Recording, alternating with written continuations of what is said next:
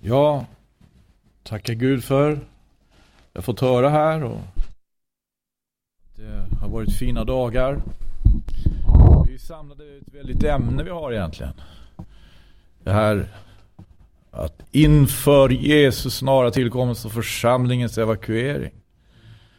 Och jag funderar på det här blir så oerhört det här för mig, så enormt. Och jag, jag tror inte att jag förmår mer än om jag Eh, få med någon aspekt av det hela. Vad är det för en församling som, som lever i, så att säga, i denna bestämda förväntan inför Jesus snara tillkommelse och inför då församlingens evakuering. Jag, jag kan inte låta bli att eh, så att säga stanna då lite grann inför det intryck jag får av eh, skriftens undervisning i den här frågan. Det är i alla fall under det är, alla, det är absolut frågan om en församling som lever i uppbrott. En församling som lever i uppbrott. Och, och som eh, så att säga är i stånd att så att säga att bryta upp. Det här slaget av församling är det vi möter på Bibelns blad. En församling som eh, lever i, ibland i ett så pass, alltså, eh, ska vi säga, radikalt uppbrott. Att det kan vara fråga om det slaget av erfarenheter. Som till exempel evangelisten Filippus gjorde på Damaskusvägen.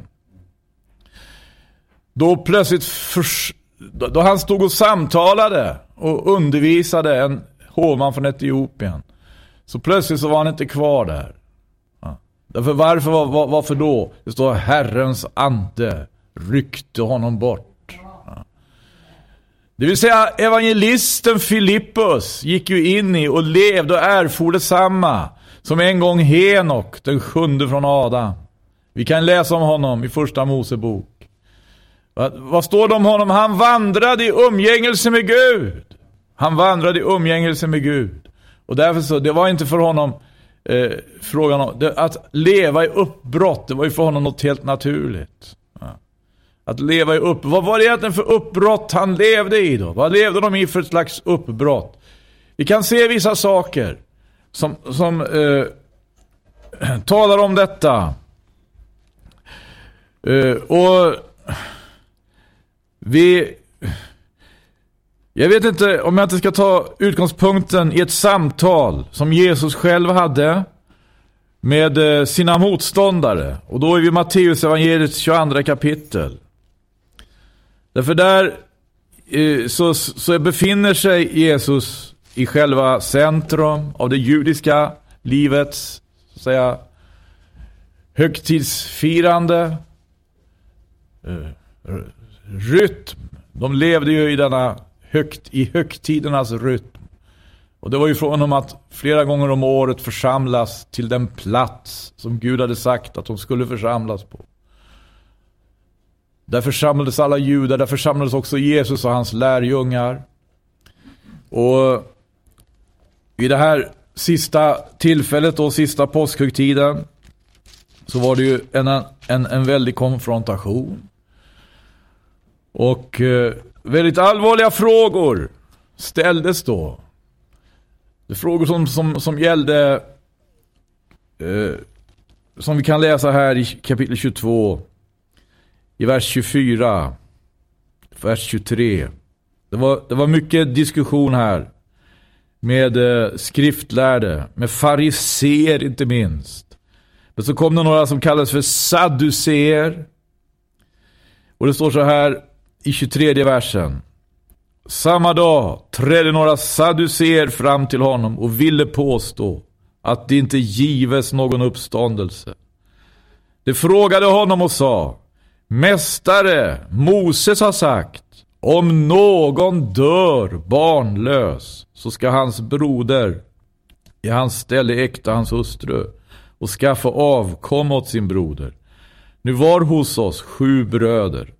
Den förste tog sig hustru och dog. Och eftersom han icke hade någon avkomma lämnade han sin hustru efter sig åt sin broder. sammalunda och den andre och den tredje allt intill den sjunde.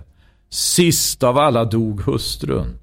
Vilken av de sju ska då vid uppståndelsen få henne till hustru? Det hade ju alla äktat henne. Jesus svarade och sa till dem. Ni far vilse, ty ni förstår icke skrifterna, ej heller Guds kraft. Vid uppståndelsen tar män sig icke hustrur, ej heller givas hustrur åt män, utan det är då såsom änglarna i himmelen. Men vad nu angår det dödas uppståndelse har ni icke läst vad er är sagt av Gud. Jag är Abrahams Gud och Isaks Gud och Jakobs Gud.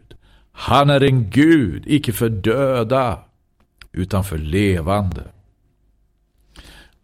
Eh, så förklarar då Jesus för dem vad, det, vad, vad, vad, det, vad, vad de hade farit vilse för. Varför de inte förstod skrifterna och inte heller Guds kraft. Och jag kan inte låta bli att finna Jesu förklaring mycket intressant. Mycket intressant, inte minst av den anledningen måste, för att, för, för, för, att försvara så att säga tron på uppståndelsen från de döda. Har funnits mycket egentligen klarare besked i skriften som han kunde ta. Varför tog han inte fram dem då? Det finns ju hos Jesaja. Det finns hos Daniel. Klara besked om uppståndelsen från de döda. Här så tar Jesus ett exempel då man måste liksom gå nästan lite en omväg i tanken. För att fatta att han talar om uppståndelsen från de döda. Jag är. Varför är det här ett argument för uppståndelsen från de döda? Har ni inte läst? Vad är det sagt av Gud? Jag är Abrahams Gud och Isaks Gud och Jakobs Gud. Han är en Gud icke för döda utan för levande. Varför är det ett argument? Varför skulle det vara ett argument för uppståndelsen från de döda? Jag bara en sån sak. Han säger ju inte jag var Abrahams. Gud. Jag var Isaks Gud. Jag var Jakobs Gud. Då hade det liksom varit klart att Abraham hade haft sin tid och han hade liksom avslutat den också. Samma Isak då. Samma Jakob. En gång var Gud deras Gud. En gång var han det, men nu kan han inte vara det längre. För de finns inte de här. De är borta. Han säger faktiskt inte så. Han säger jag är. Abrahams Gud. Så någonstans finns alltså. Någonstans lever Abraham. Vad är det här för någon, någon, någon, någon föreställning? Då? Det är den föreställningen som den församling bör ha som lever i uppbrott. När vi lever i uppbrott på det viset som den församling gjorde, som Jesus en gång först grundade. Då ska vi inte bli förvånade om vi kommer till våra sammankomster. och så sätter vi, går ner och sätter oss kanske i matsalen vid något av borden. Och så sitter Abraham där. Eller någon av samma slag. Sätt oss vid något av borden och sitter Abraham där och Isak och Jakob. Eller några av samma slag. Några av samma slag. På vilket sätt? Några av samma slag! Några som förstår vad det är att vandra i, som det heter, umgängelse med Gud. Som Henok gjorde. En församling som lever i uppbrott bör ha dessa förebilder i centrum. Och inte bara så som så att säga ikoner på väggen. Utan som verkligt levande exempel. För hjärta och samvete. Det var så här nu. Att det fanns väldiga frågor som Jesus mötte. Det var frågor som ställdes av fariseerna. Och även Saduséerna och även andra partier och grupper. Och som vi ser så fanns det här partiet och Saduséerna. Sadduceerna som eh, eh, så att säga inte trodde på det här om att eh, det fanns en uppståndelse från de döda. Eh, nu, nu lägga märke till då att eh, det gjorde då tydligen fariseerna. Vi, vi ska gå till ett ställe i Apostlagärningarna. Där aposteln Paulus möter samma grupper. Och det är Apostlagärningarnas 23 kapitel. Det var när Paulus var fånge. Och det var från om... Eh, han inte egentligen Alltså för, för, för många, man hade ju sammansvurit sig mot honom, ville döda honom. Men det fanns ju de som respekterade lag och, och, och rättvisa så att de skyddade honom. Och det kom till ett möte här Eh, i Apostlagärningarna 23 kapitel med Stora rådet. Och det står så här att aposteln Paulus han börjar med då att fästa ögonen på rådet och säga Mina bröder, allt intill denna dag har jag vandrat inför Gud med ett i allo gott samvete. Då befallde överste prästen Ananias dem som stod bredvid honom att de skulle slå honom på munnen. Paulus sa då till honom, Gud ska slå dig, du vitmenade vägg. Du sitter här för att döma mig efter lagen. Och ändå bjuder du tvärt emot lagen, att man ska slå mig. Då sa det som stod där bredvid, smädar du Guds överste präst? Paulus svarade, jag visste icke, mina bröder, att han var överste präst. Det är ju skrivet, mot en hövding i ditt folk ska du icke tala onda ord. Nu hade Paulus märkt att den ena delen av dem utgjordes av sadduceer och den andra av fariseer. Därför sa han med ljudlig röst inför rådet. Mina bröder, jag är farise, en avkomling av fariseer. Det är för vårt hopps skull, för det dödas uppståndelses skull som jag står här inför rätta. Hörde ni vad han sa? Två grupper där. Och han tyckte han kunde eh, så att säga knyta an då till något hos den ena gruppen. Mina bröder, jag är farisé, en avkomling av fariseer. Det är för vårt hopps skull, för det dödas uppståndelses skull som jag står här inför rätta. Knappt hade han sagt detta förrän en strid uppstod mellan fariseerna och saduceerna så att hopen blev delad. Saduceerna säger nämligen att det inte finns någon uppståndelse, ej heller någon ängel eller ande. Men fariséerna bekänner sig tro på både det ena och det andra. Och man behöver ju inte ropa och larma. Och några skriftlärare som hörde till fariséernas parti stod upp och begynte ivrigt disputera med de andra och sa Vi finner inte ett ont hos denne man. Kan hända har en ande eller en ängel verkligen talat med honom. Det var vad fariséerna sa. Hör ni? Det, det visar sig alltså att de hade så att säga trosföreställningar av, av liknande slag som apostlarna hade. De hade trosföreställningar av liknande slag. Och vet du, vet du vad som står i tragedin då? De hade de hade, de hade trosföreställning, men de hade trots allt inte tro. De hade inte tro. Kan man ha trosföreställningar utan att ha tro? Ja, tydligen.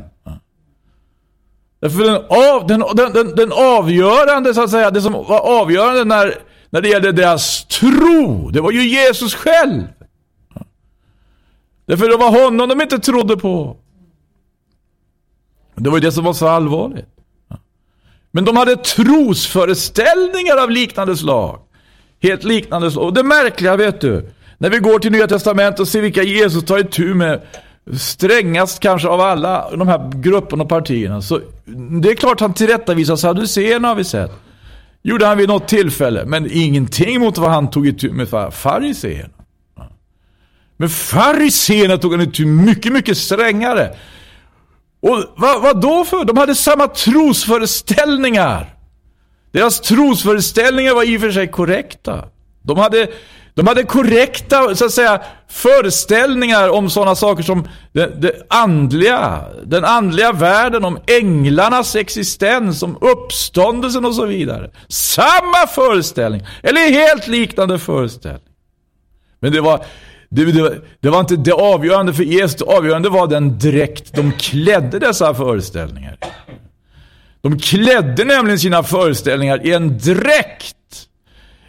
En policy kanske vi kan säga. En policy som Jesus avskydde. Och vad berodde det på då?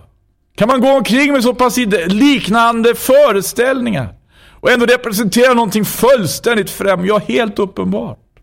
Helt uppenbart. Det, det, var inte, det var inte alltså det avgörande här nu var inte föreställningarna som sådana.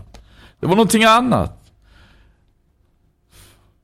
Och vad var det då? Jag tror att det har att göra med det här, ser du. Att det var frågan om att välja att vara tillsammans med den förföljda skaran. De hade lärt sig leva i uppbrott. Eller slå sig till ro. Eller slå sig ner och etablera sig med den skaran, så att säga, som hade anpassat sig till lägret. Och anammat lägerandan. Därför det avgörande du, det var inte föreställningen utan vilken ande som bodde i de här människorna. Föreställningarna hade de tydligen helt korrekta. Men det var en annan ande. Det var en annan ande. Det var en sådan ande i fariseerna som aldrig kunde komma till ett möte, gå ner i matsalen och sätta sig vid ett bord och acceptera att Abraham sitter där. Aldrig. Det kan han ju inte. Vi kan ju det här stället. Vi kan ju det här stället utan och innan. Vi har ju kartlagt allting här. Vi vet ju allting. Abraham, snacka Men, men, men det var alltså eh, i och för sig korrekta trosföreställningar. Men ingen tro. Ingen tro.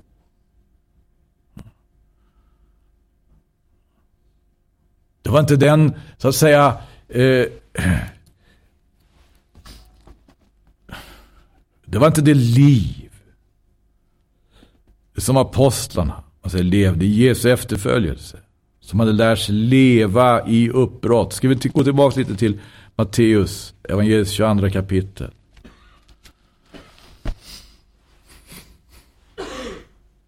Vad står det? Samma dag trädde några saduceer fram till honom och ville påstå att det inte gives någon uppståndelse. Det var alltså villfarande. De var villfarande. Men de var ändå inte på det viset som fariseerna för Jesus, det stora så att säga, motståndsblocket. För om du går till ett kapitel till, 23 kapitlet i Matteus evangeliet där Jesus verkligen tar itu med så att säga sina motståndare. Mm. Så kan du läsa eh, gång på gång, gång på gång. Ve er ni skriftlärare och fariseer. Ve er ni skriftlärare och fariseer. Ve er ni skriftlärare och fariseer. Gång på gång. Skrift, men ingenstans skriftlärde och sadduceer. Mm. Utan tvekan var sadduceerna motståndare. Men ännu inte av den, tydligen, av den kalibern. Att de, att de hade, så att säga, eh, gjort sig, ska vi säga, förtjänt av ett sånt här straff och förmaningstal. Som 23 kapitlet. Det höll Jesus till de som hade liknande föreställningar som han själv och hans lärjungar.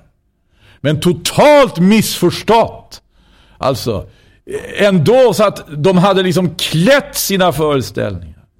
Klätt sina föreställningar i ett mönster, klätt sina föreställningar. I en regel klätt sina föreställningar. Man säger en dräkt. Som för Jesus, i Jesu ögon skapar en helt schizofren situation. Därför det är så vet du. Eh, med varje predikant varje lärare, han talar två språk. Han talar ett språk med munnen och ett annat med sina gärningar. Och det är väldigt arvet att de här båda språken, varje, varje predikant är liksom tvåspråkig. Och det är väldigt arvet att de här båda språken stämmer överens. Att, att, att det man talar med munnen och det man talar med hjärtat. Därför så går han ju till, när han går till rätta med fariséerna, och börjar på det här sättet. Ja. På Moses stol har det skriftlärde och fariséerna satt sig. Det skriftlärde och fariséerna, inte det skriftlärde och sadduceerna. Sadduceerna hade fel. Va? Men de, hade, de, de var tydligen inte så anspråksfulla. På Moses stol hade skriftlärda och fariséerna satt sig. Därför allt vad det säger, det ska ni göra och hålla. Det var korrekta tydligen besked man kunde få från det hållet. På något sätt korrekta besked. Ja. Men efter deras gärningar ska ni icke göra. Till det säga men göra icke.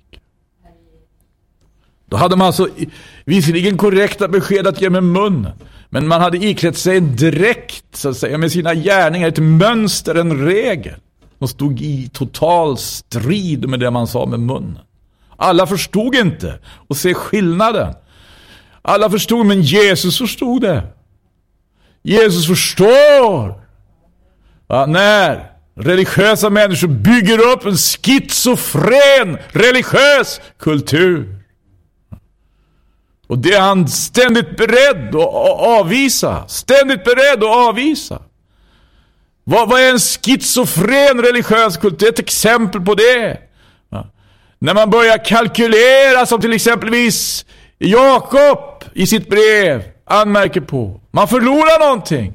Av det här har vi kallat, som vi har kallat för det korta perspektivet.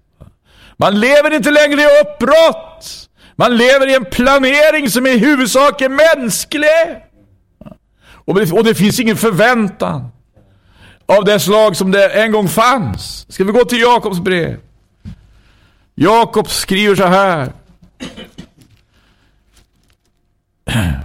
Vet att han var en av de första föreståndarna i Jerusalem efter Jesus. Och han, skriver i, han skriver i sitt brev, i Jakobs brev, skriver han i det tredje kapitlet. Så här står det i trettonde versen där. Hör nu, ni som säger Idag eller imorgon vill jag vi bege oss till den och den staden. Och där vill vi uppehålla oss ett år och driva handel och skaffa oss vinning. Ni vet ju icke vad som kan ske imorgon. Ty vad är ert liv? En rök är ni som syns en liten tid, men sedan försvinner. Ni borde fast med säga, om Herren vill, och vi får leva, ska vi göra det eller det. Men nu talar ni stora ord i er förmätenhet, all sådan stortalighet är ond.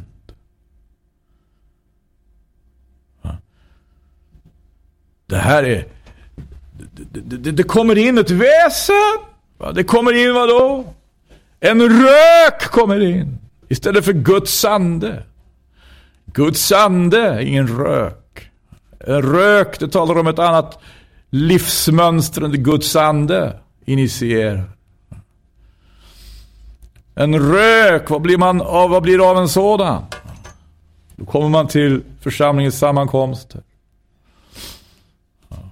Och går ner i matsalen och sätter sig vid bordet. Och kan absolut inte känna igen Abraham som sitter där. Och inte heller är man redo på att Jesus själv kommer i nästa moment. Men det är inte det att leva i uppbrott. Att vänta Jesus när som helst. Att vänta Jesu Kristi tillkommelse. I nästa moment. Eller har vi börjat andas den här varmluften, den här röken. Som gör att vi planerar mer, mer och mer på mänskligt sätt. Och mindre och mindre. Räkna med den närvaro alltså, som bara av sig själv skapar just denna gemenskap denna skara efterföljare som lever i uppbrott, lever i uppbrott. Herre Jesus, hjälp oss. Gode Gud. Du vet, när aposteln Paulus undervisar om uppståndelsen i 15 kapitlet i första Korinthierbrevet så är han ju inte främmande för alla möjliga frågor finns ju där också. Alla, han tar faktiskt det här på väldigt stort allvar. Att det finns de som inte kan acceptera att det finns en uppståndelse från de döda. Det finns de som inte kan acceptera, men han säger ni har fel. Han säger ni har fel. Och han, och han undervisar om uppståndelsen. Utifrån två olika utgångspunkter. Man kan säga att han dels ger han alltså den helt, alltså om vi säger fundamentalistiska synen som vi får i Nya Testamentet. Att Jesu uppståndelse, det är den avgörande, att säga. Det avgörande för alla diskussioner om uppståndelsen från de döda. Men han ger också en veten, mer eller mindre vetenskaplig förklaring, en generell förklaring. Ska vi gå till första Korinthierbrevets 15 kapitel.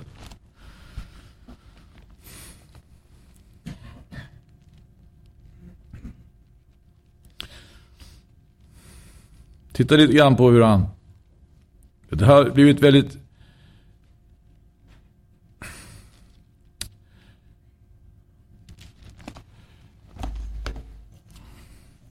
Jag ska säga... Stort det här för mig. Jag har suttit och tittat i de här texterna. När jag ser hur exempelvis första Korinthierbrevet, Hebreerbrevet, men också redan i gamla testamentet. Eh, det finns alltså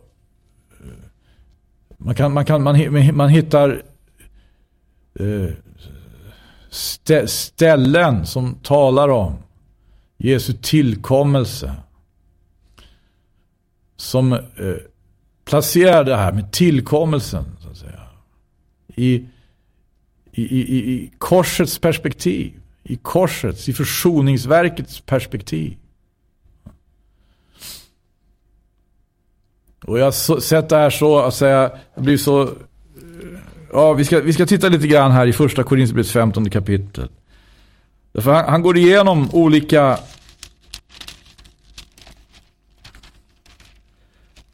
sidor av detta, som, enorma som har skett. Och till att börja med, själva då evangeliet. Vad, vad egentligen handlar det om för någonting? Utan evangelium så kommer vi överhuvudtaget inte i närheten av några korrekta föreställningar, vare sig de är korrekta eller ej. Så, så, så är det i alla fall det att föredra att våra föreställningar är korrekta. Att vi inte bara har föreställningar då, utan verkligen har tro.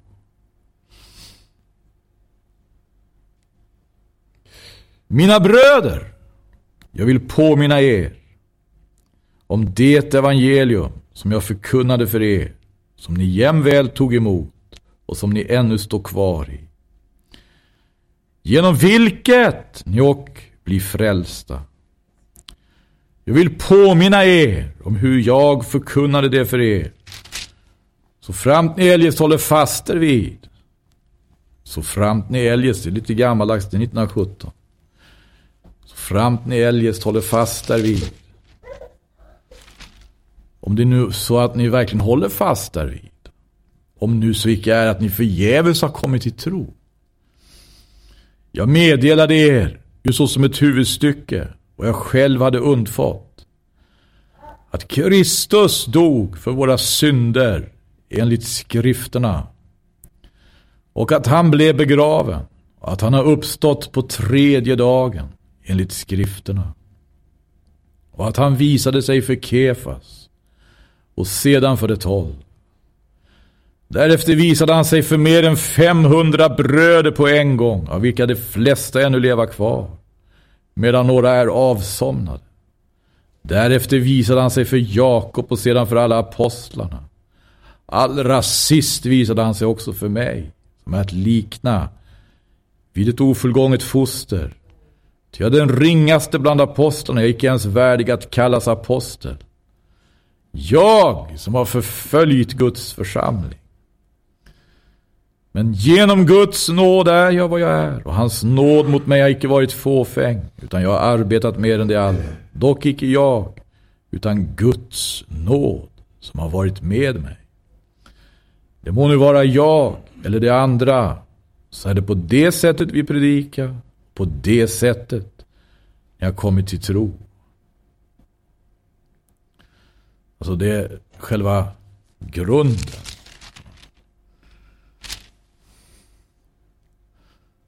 Att Kristus dog för våra synder enligt skrifterna. Att han blev begraven. Att han har uppstått på tredje dagen enligt skrifterna. Och att han visade sig för Kefas. Sedan för de tolv. Det vill säga korrekta föreställningar. Också det. Korrekta föreställningar. De alla kristna, de som kallar sig kristna. Har väl de här föreställningarna någonstans. Men vad, frågan är vilken, vilken dräkt kläder man det här i då? Vilken dräkt kläder man det här När aposteln sedan går vidare och tar itu med vissa frågor, då, då, gör han det på ett, jag tycker på ett märkligt sätt, nästan förutsättningslöst sätt. Förutsättningslöst, så att säga. På det viset. Att han, han, han tar inte något parti direkt till sitt hjärta. Sådär. Att han håller sig till den eller den eller den riktningen. Utan han håller sig till det här som han har fått från ovan. Och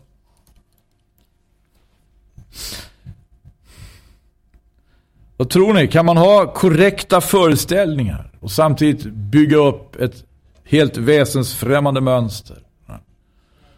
En schizofren religiös kultur. Är inte det ganska typiskt egentligen? Med en så att säga, då, då det blir ett förkyrkligande. Vad är det som sker då det blir ett förkyrkligande? Det märker till att vi här talar om församling och kyrka som skilda begrepp. Det är inte så lätt att förklara alltid.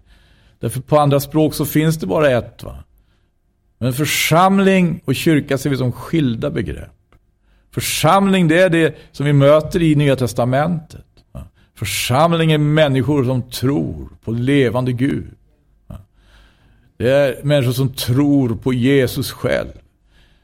Kyrka, det är mycket som, har, som, som byggts upp omkring sådana människor i historien.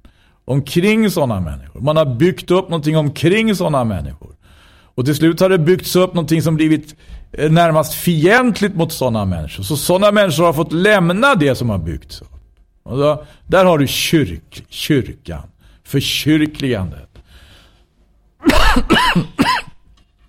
Och det är tyvärr så, i historien vet vi. Att kyrkan har stått som den makt som på ett alldeles fruktansvärt sätt förföljt. Sådana människor om jag säger. Sådana människor som inte är främmande för Abrahams och Isaks och Jakobs Gud. Sådana människor som lever i uppbrott. Sådana människor som lever i förväntan. Att Jesus kommer nästa moment. Nästa moment. Finns inte just det i det här, i den här hälsningen? Se, jag kommer snart. Håll fast det du har så att ingen tar din kron. Han skriver vidare här i tolfte versen. Om det nu predikas om Kristus, att han har uppstått från de döda, hur kan då somliga bland er säga att det icke finns någon uppståndelse från de döda. Om det åter icke finns någon uppståndelse från de döda, då har icke heller Kristus uppstått. Men om Kristus icke har uppstått, då är ju vår predikan fåfäng. Då är och er tro fåfäng.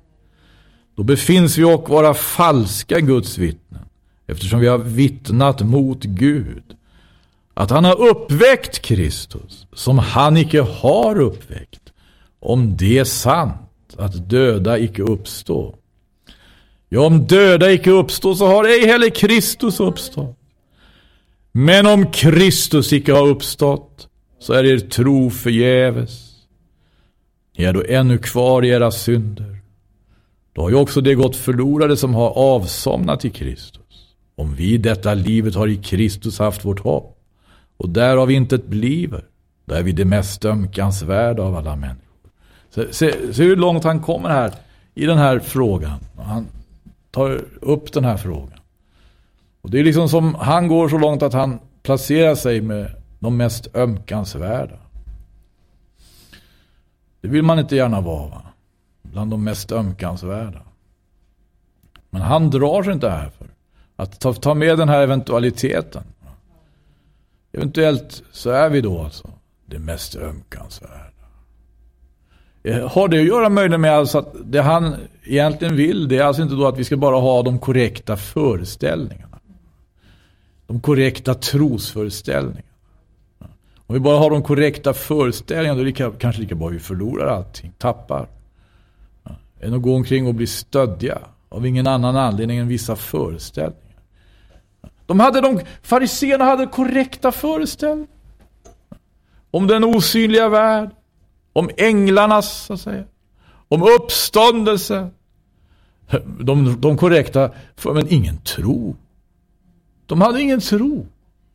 De hade ingen tro. De hade sina föreställningar. Och med de föreställningarna så byggde de upp, så att säga, etablerade ett system. Skapade ett mönster. Ett helt perverst religiöst mönster. En, en schizofren religiös kultur. En schizofren religiös kultur. Vad är det vi ser när vi ser omkring?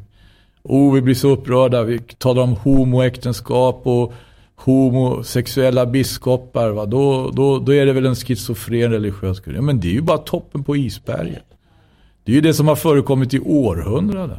När präster och biskopar i strid mot Jesu undervisning har berikat sig och klätt sig så att säga i skrudar och skapat ett religiöst mönster omkring korrekta föreställningar. Som i och för sig är ingenting annat än vad, vad Jesus själv anmärkte på i sin tid. En schizofren, religiös kultur. Där tvåspråkiga predikanter. Sådana har vi i Finland va tvåspråkiga predikanter. Men det kan finnas här också. Och egentligen är alla predikanter tvåspråkiga. Pratar med munnen ett språk och med gärningarna ett annat språk. Men munnens språk och gärningarnas språk. Gå på kollisionskurs. Du vet.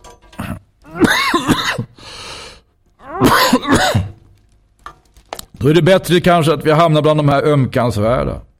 Mer ömkansvärda än alla Som ingen egentligen förväntar sig så mycket av då. Än att gå och bygga upp någonting som skapar förväntningar och föreställningar hos folk som bara leder vilse. Aposteln fortsätter i vers 20. Men nu har Kristus uppstått från de döda. Såsom förstlingen av det avsomnade. Är det en Jesus som du vill ska uppstå? Det var en väldigt allvarlig fråga. Du vet, det fanns de som inte ville han skulle uppstå. De ville ju hindra hans uppståndelse. Trodde det gick att hindra hans uppståndelse. Genom att försegla och allt vad de höll på med. Men nu har Kristus uppstått från de döda, såsom förstlingen av de avsomnade. Ty eftersom döden kom genom en människa, så kom och genom en människa det dödas uppståndelse. Och så som i Adam alla dö, så ska och i Kristus alla göras levande. Men var och en i sin ordning. Kristus såsom förstlingen. Är därnäst vid Kristi tillkommelse. Det som hör honom till. Därefter kommer änden. Då, när han överlämnar riket åt Gud och Fadern, sedan han från alla förstar och alla väldigheter och makter har tagit all deras makt. Andevärlden står det i 1917, det står ingen annan översättning. Det står bara förstar, väldigheter och makter. Du, det kan vara mycket konkreta väldigheter. Så kon kon konkreta som själva döden, som vi läser längre fram. Till Ty han måste regera till dess han har lagt alla sina fiender under sina fötter. Sist bland hans fiender blir och döden berövad all sin makt. Till allt har han lagt under hans fötter. Ursäkta mig.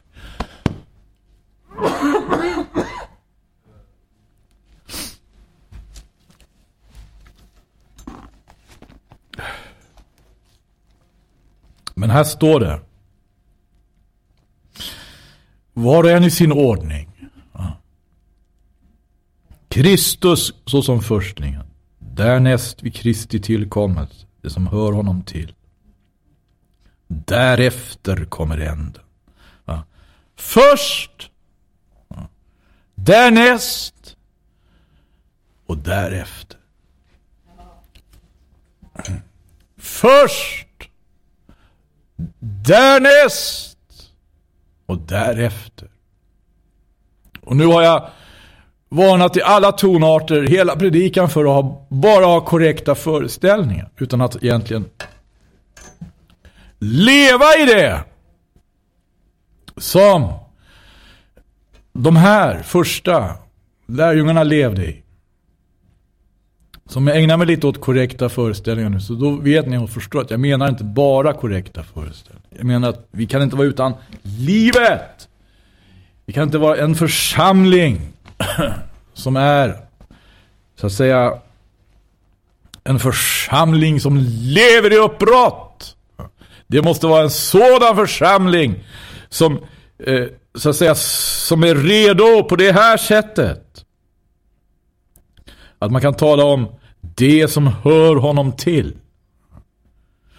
Kristus såsom förstlingen. Det står att Kristus ska uppstå som förstlingen. Han ska uppstå som förstlingen. När, när sker det då? När ska Jesus uppstå? Han har inte uppstått än, har han det? Du, det står att han har uppstått för snart 2000 år sedan. Så som förstlingen. Så som förstlingen. Jesus behöver alltså inte uppstå. Vi behöver inte vänta på att Jesus ska uppstå. Det är inte det vi... Det finns ingen anledning att göra. Därför han har uppstått. Det vi väntar på nu, vad är det för någonting? Därnäst. Därnäst. Det som hör honom till. Det som hör honom till.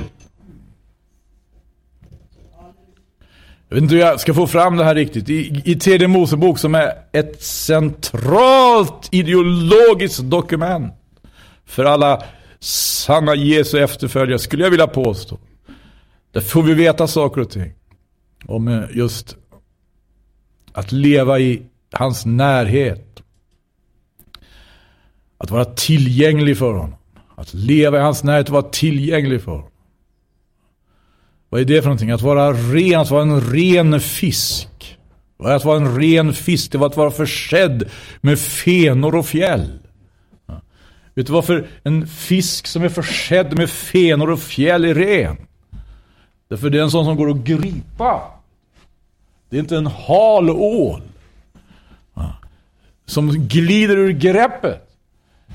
När Gud räcker ut sin hand då vill han finna oss som rena fiskar. Försedda med fenor och fjäll.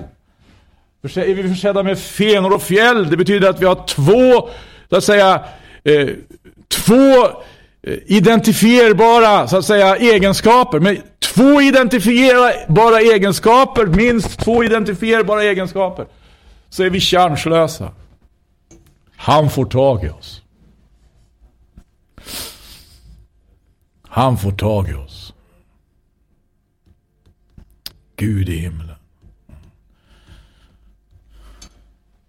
Vi blir gripbara för Gud. Och vet du vad det är?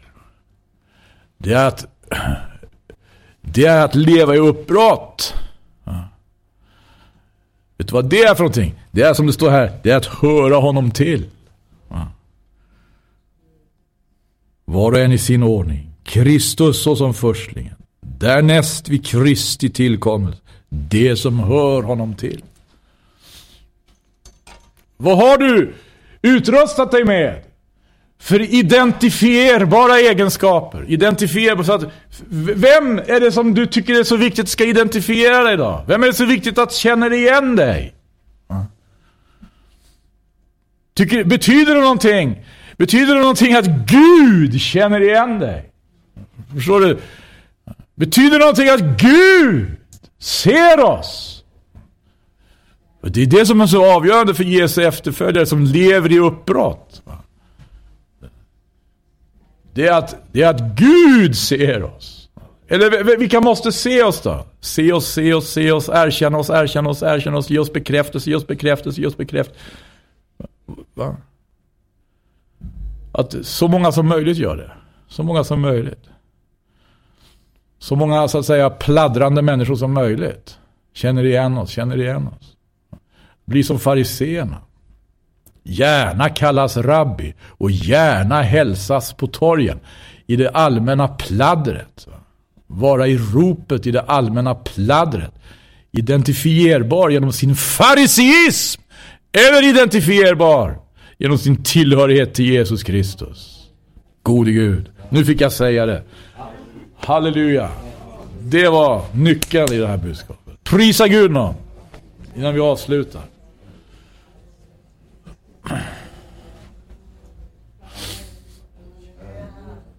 Halleluja! Vi prisar dig.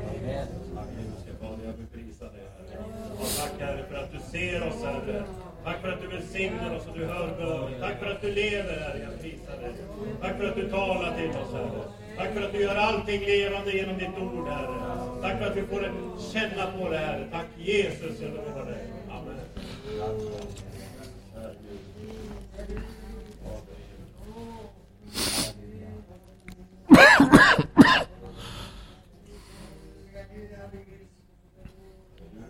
Var och en i sin ordning. Kristus såsom förstlingen. Därnäst vid Kristi tillkommelse. Det som hör honom till. Därefter kommer änden. Då, när han överlämnar riket åt Gud och Fadern.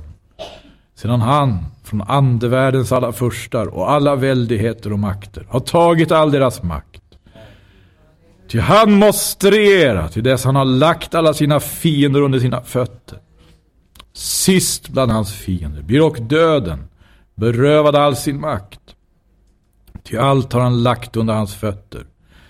Men när det heter att allt är honom underlagt, då är uppenbarligen den undantagen som har lagt allt under honom. Och sedan allt har blivit sonen underlagt, skall också sonen själv giva sig under den som har lagt allt under honom. Och så ska Gud bli allt i alla. I alla fall så ser vi tre vi säger steg här. Kristus och som förstlingen. Det har skett. Därnäst i Kristi tillkommelse. Det som hör honom till. Det har ännu inte skett. Därefter kommer änden. Har inte heller skett. Det finns en skara som är förberedd för det här mötet. Vid Kristi tillkommelse, en skara efterföljare som lever i uppbrott. Som inte är förvånade över att finna Abraham, Isak och Jakob mitt ibland sig. Och som inte heller uppfattar det att Jesus själv kommer i nästa moment. Som att det kommer en tjuv, någon som är ovälkommen.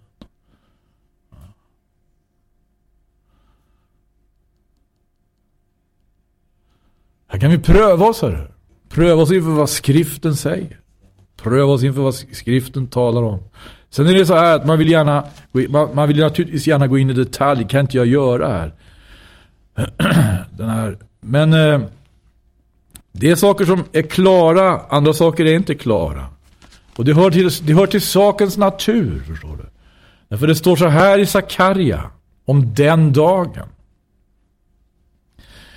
Att det blir en dag som är ensam i sitt slag och som är känd av Herren. En dag då det varken är dag eller natt. En dag då det blir ljust när aftonen kommer. Men en dag då det varken är dag eller natt. Det talar om att det finns ett dunkel. Det finns ett dunkel omkring de här sakerna. Det är helt, helt naturligt eh, på det viset som Salomo själv förstod saken. När han sa Herren har sagt att han vill bo i töcknet.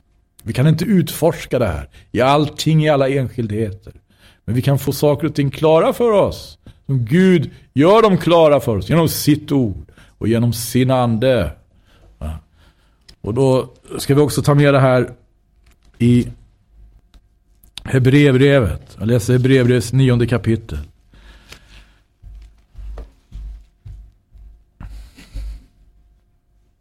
Läser man Hebreerbrevets nionde kapitel, då får man ett, ett intressant perspektiv på Jesu tillkommelse.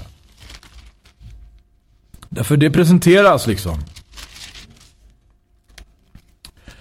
Oj, nu har jag snart ingen röst kvar hörni. Jag får faktiskt begränsa mig.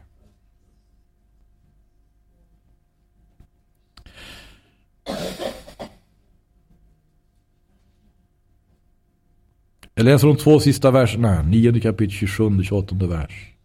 Och så som det är människorna förelagt att en gång dö och sedan dömas, så ska Kristus, sedan han en gång har blivit offrad för att bära många synder, för andra gången utan synd låta sig ses av dem som bida efter honom till frälsning.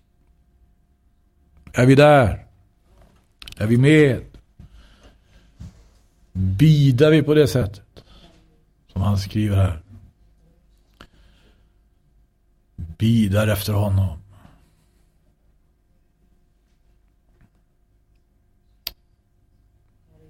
Är det din bön och längtan? Herre hjälp mig, var redo. När du kommer, Herre, hjälp mig vara gripbar för Gud.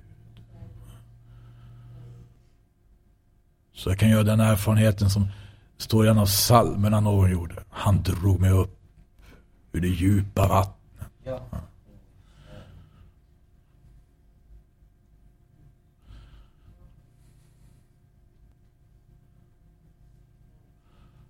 Jag har haft, jag har haft Herren, står det någonstans. Jag har haft Herren för mina ögon, alltid.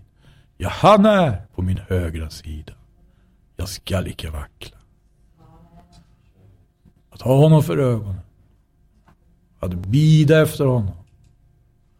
Att vara med i den skaran som lever i uppbrott. Som lagt alla sina egna så att säga, planer och ambitioner åt sidan för att höra honom till. Herre Jesus, vi prisar dig, vi tackar dig. Herre, vi ber dig, hjälp oss och led oss fortsättningsvis. Amen.